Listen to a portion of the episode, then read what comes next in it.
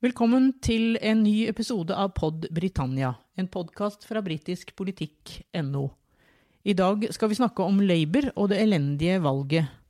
Hva nå for partiet, og hvem kan tenkes å ta over som leder etter Jeremy Corbyn? Jeg heter Trine Andersen, og her sammen med meg sitter Øyvind Brattberg. No, no, no. What we are asking is for a very large amount of our own money back. The choice is in your hands. We've had a meaningful vote. We had it in the referendum on 2016. Order! Ja, Øyvind, det er vel ikke galt å si at det var et elendig valg for Labour? Det var et ordentlig skuffende valg for alle som eh, festet håp og tro til Jeremy Corbyn, og, og hva den venstre, venstredreiningen vi har sett i seinere år, egentlig kunne utrette for partiet. Og et veldig skuffende resultat, ikke minst når man ser avstanden til de konservative, så er det en utklassing, det som fant sted 12.12. Ja, skal vi ta noe tall her? La oss gjøre det. Ja, Labour 203 seter minus 59, det er ganske sterke tall. Mm. Og så har du da de konservative som da har 365 seter, som da sitter med et flertall på 80. Mm. Var det noe du hadde sett for deg før valget?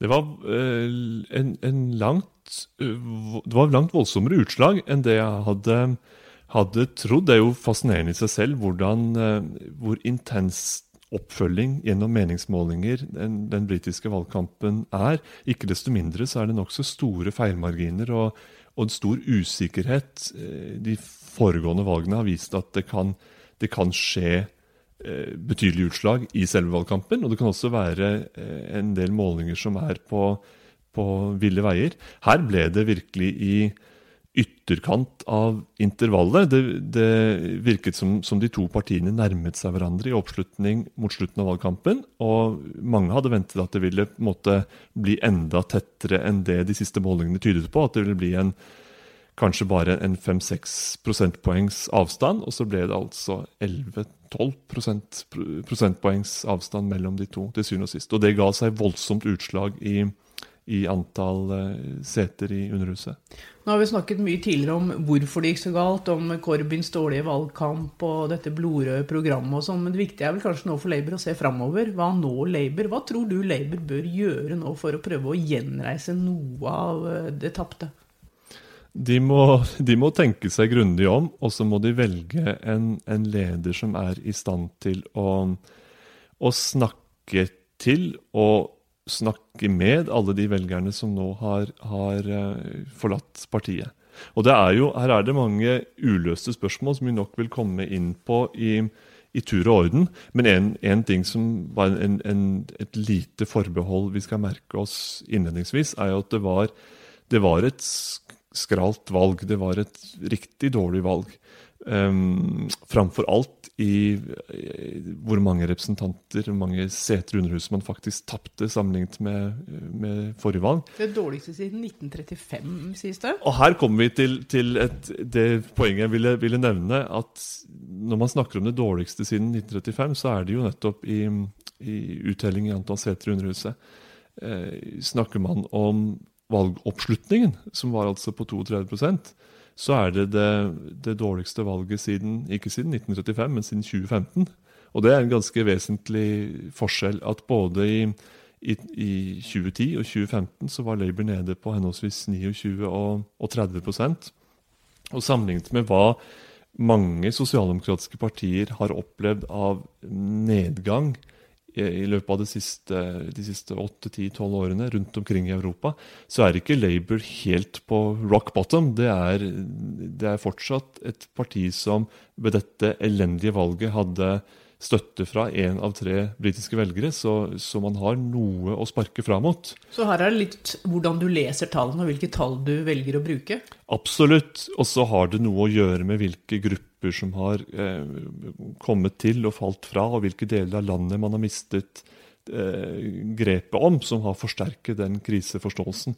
Og For Labour så handler jo det med hvem man har mistet taket på, handler jo da i veldig stor grad om arbeiderklassevelgere og om de delene av England som tidligere var Labours kjerneområder, i, spesielt nord i England, hvor noe synes å ha gått fullstendig galt i løpet av disse siste årene. Hvor arbeiderklassevelgere har strømmet til ved dette valget, Boris Johnson og de konservative. Og det har dreid rundt på mye av den grunnforståelsen av eh, britisk partipolitikk og gjør at mange er veldig rådville i Labour. For eh, skal man finne tilbake til noen form for storhet, så må man finne tilbake til disse velgerne. Og hvorfor har de falt fra? Der tror jeg diskusjonen begynner. Ja, har du noe svar? Det er jo Det er ikke så lett å, å forstå um, for, for, for, dette er jo et mønster som, som man kan kjenne igjen eh, i andre land, også her i Norge. At Arbeiderpartiet er ikke hva Arbeiderpartiet var, verken i form av oppslutning eller hvem man representerer. Og i, i Storbritannia så, og hos Labour så har dette blitt tatt veldig langt. At Labour har blitt et parti for eh, folk i byene, for de høyt utdannede og for unge mennesker. Um, mens de har mistet voldsomt oppslutning i, altså, utenfor storbyene, framfor alt England og Wales utenfor storbyene. For så vidt Skottland også, men de har jo mistet velgere over hele fjøla. Og framfor alt velgere um, uten høyere utdanning, uh, velgere som er, er, over 40 år, um, og velgere som er utenfor storbyene, og hvite briter.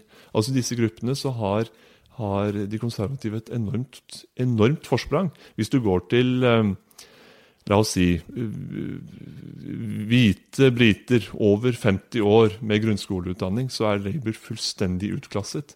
Og dette eh, kan til forveksling høres ut som, som eh, tradisjonell arbeiderklasse. Og de var jo nettopp de som skulle stemt på Labour.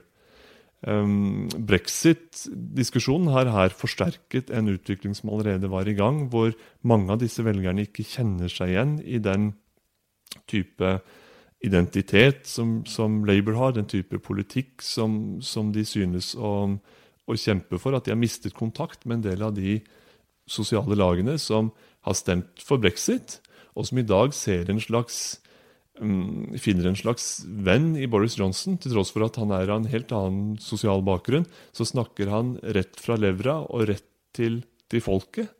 Og han tenker å, å, gjøre noe både med innvandringsspørsmålet og er en for, forkjemper for en litt patriotisk tilnærming til det å være britisk og sier at han skal støtte både sykehus og infrastruktur og skape gode arbeidsplasser. Og da er jo ikke veien så lang, faktisk, for en arbeiderklassevelger i nord å si at Boris Johnson og Torrin er de som står meg nærmest. Og Det viser jo også at, at den, um, den um, arven fra Margaret Thatcher som, som de konservative jo har slitt veldig med, den er jo ikke så dominerende i dag. For det er jo en arv som har gjort det nesten umulig for mange velgere, i spesielt nord i England, å stemme, stemme blått og stemme Torry. Men ved dette valget så har de gjort det i, i, i overveldende omfang. Ja, Selv i valgkretsen til Tony Blair i Sedgefield så, så ble det jo blått. Og der hadde han et flertall på 25 000 eller noe sånt. sånn det ble i sin tid. Så det var symboltungt. Det var jo symboltungt. Det var jo de Boris Johnson dro dagen etter eh, at valgresultatet var klart også, for å takke velgerne i nord. Og for å si at det er dere vi tenker å, å tjene. Mm. Og det, jo, det, det, skal bli interessant å se hvordan det utvikler seg. Men, det, men, mm. men, når du sier her om Labour at det blir altså, De har flertall altså, by, Det er et parti for folk i byene, for, for de unge, for de høyt utdannede på en måte så kan de vel snu det til noe positivt. Folk flest bor i byene. Det er de unge som er framtida. Mm.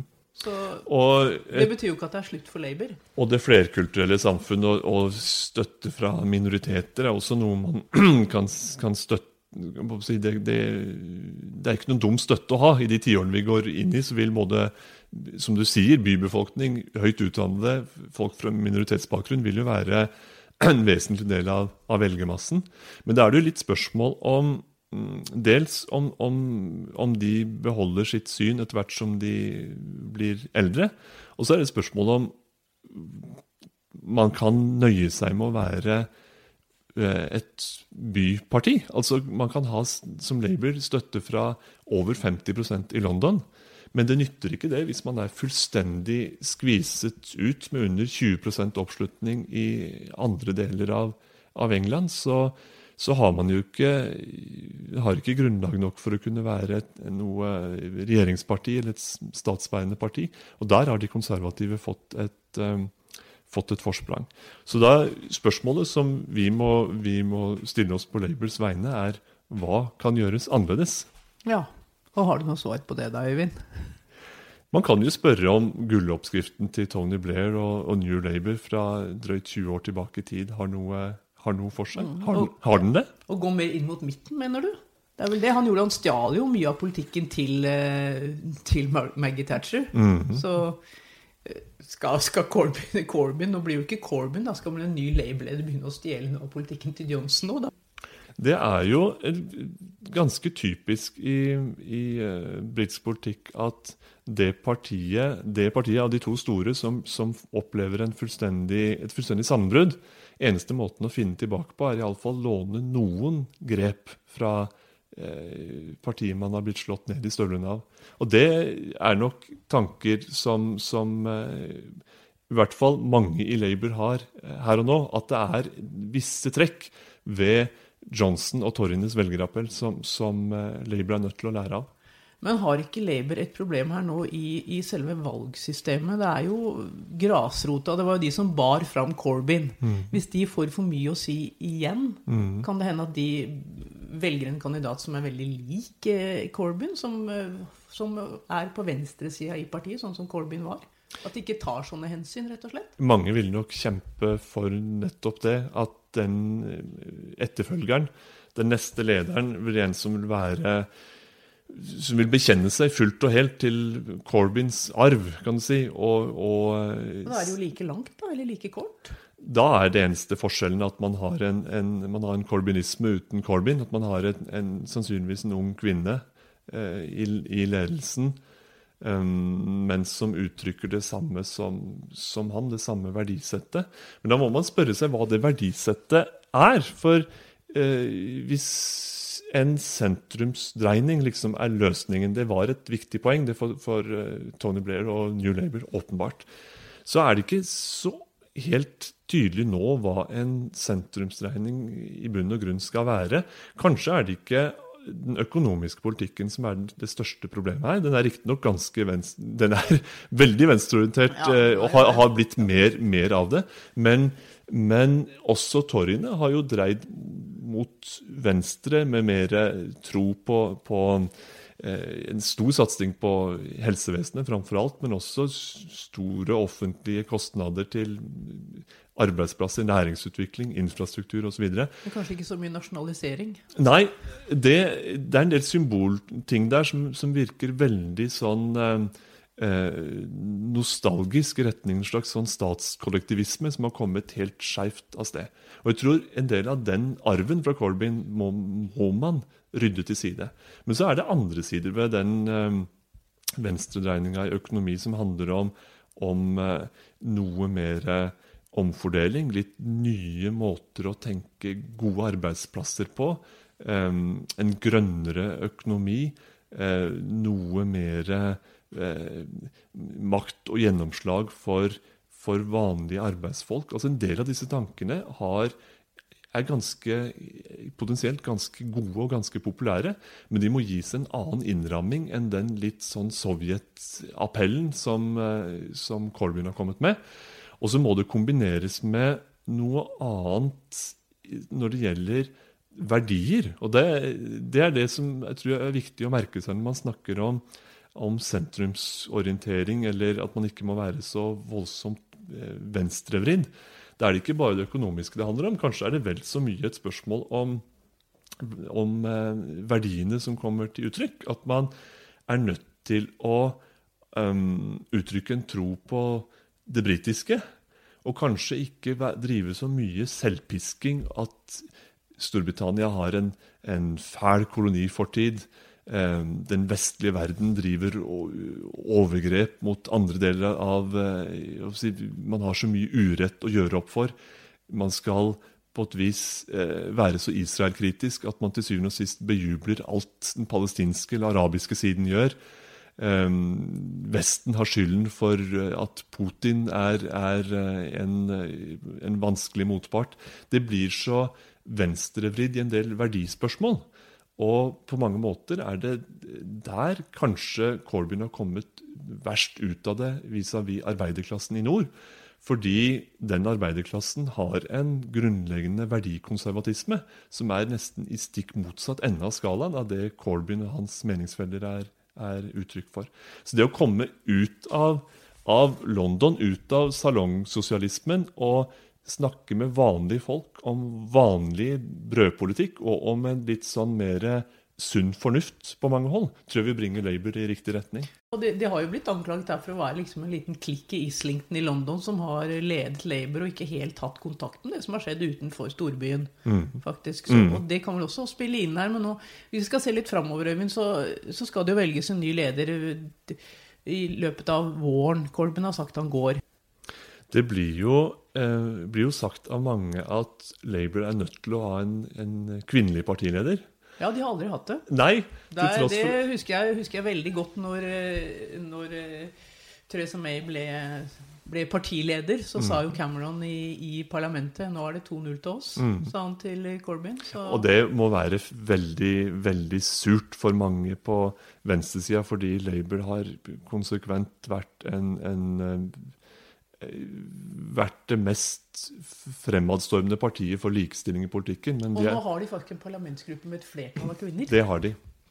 Og aldri har de hatt noen kvinnelig leder. Og det er jo mange som, som sier at man liksom skulle hatt man skulle fått til noe lignende Nicola Sturgeon i, i, i skotske nasjonalistpartiet. For den type leder ville løftet Labour tydelig, statskvinnelignende, troverdig og samtidig radikal på sine punkter. En sånn dame skulle man ha. Nå har du jo veldig mange unge, fremadstormende, flinke kvinner i Labour. da, Så Mm. det, det er jo håp om at det kan bli en kvinnelig partileder.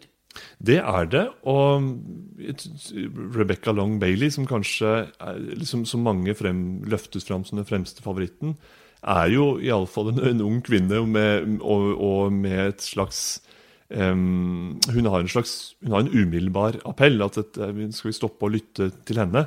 Men samtidig så har hun allerede blitt limt så sterkt til arven fra Corbyn. altså Hun er en ønskede etterfølger. At kommer bli, hun kommer til å bli kritisert en masse på vei til ledervalget. Og blir hun leder, så kommer den merkelappen til å hefte veldig, veldig ved henne. Så det er ikke gitt at det er, noen, at det er den beste, beste løsningen. Da kan man spørre seg hvilke andre alternativer har man. Eh, Lisa Nandy er en annen ung kvinne fra, Fra Wirral. ja, som også er fra nord, Ja. og som nok er villig til å ta mer lærdommer av det som har skjedd, og gå inn i, i en litt en mer av en verdidebatt. Og sannsynligvis en sunnere eh, retning for, for Labour, vil jeg tro. i alle fall, Hvis hun kan, eh, kan lykkes. Alternativet til dem blir jo fort en, en London-kandidat. Emily Thornbury, For eksempel. for eksempel. Hva skal man si om henne? Nei, hva skal man si om henne? Hun, hun jeg faktisk møtt. En hyggelig dame, men eh, ja.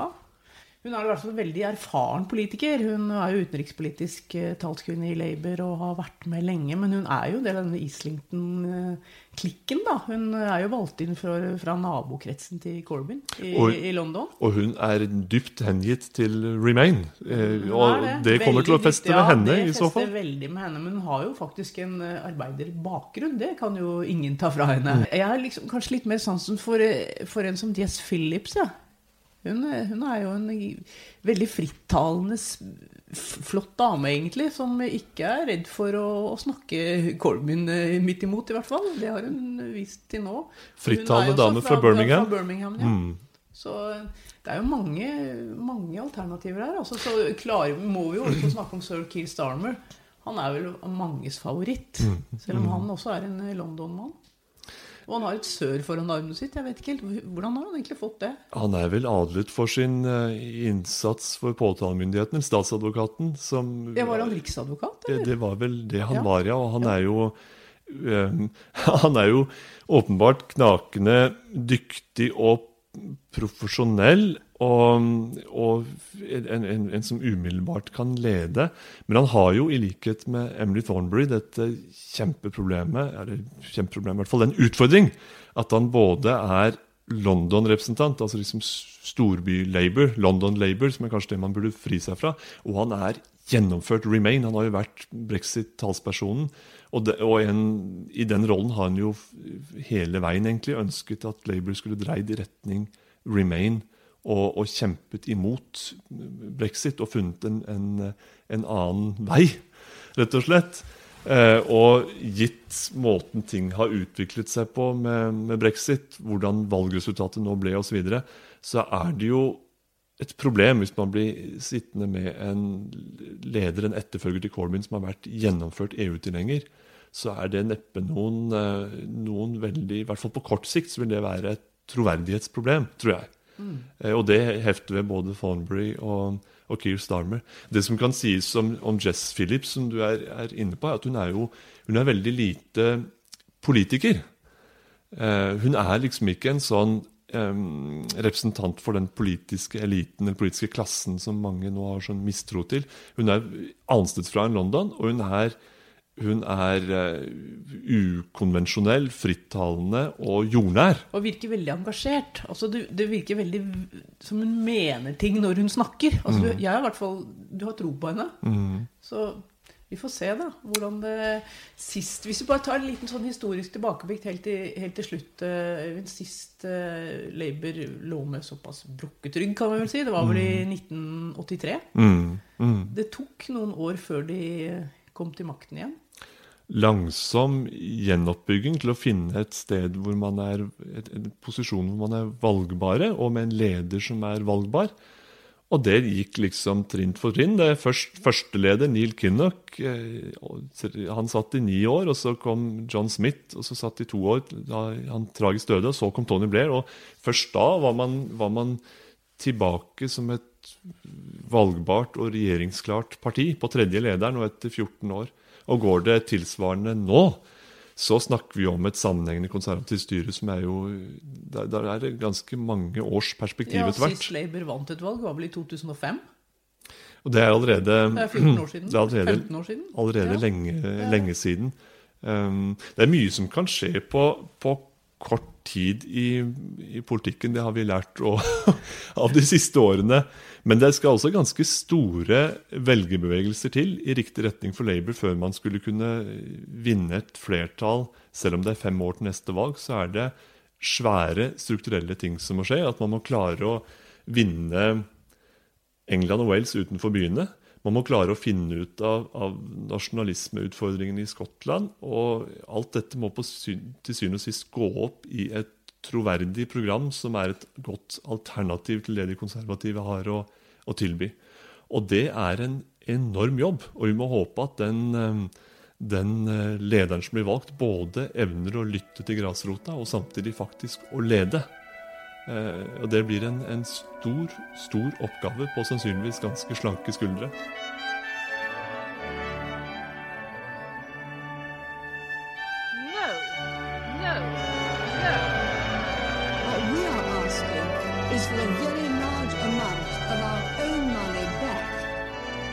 choice is in your hands.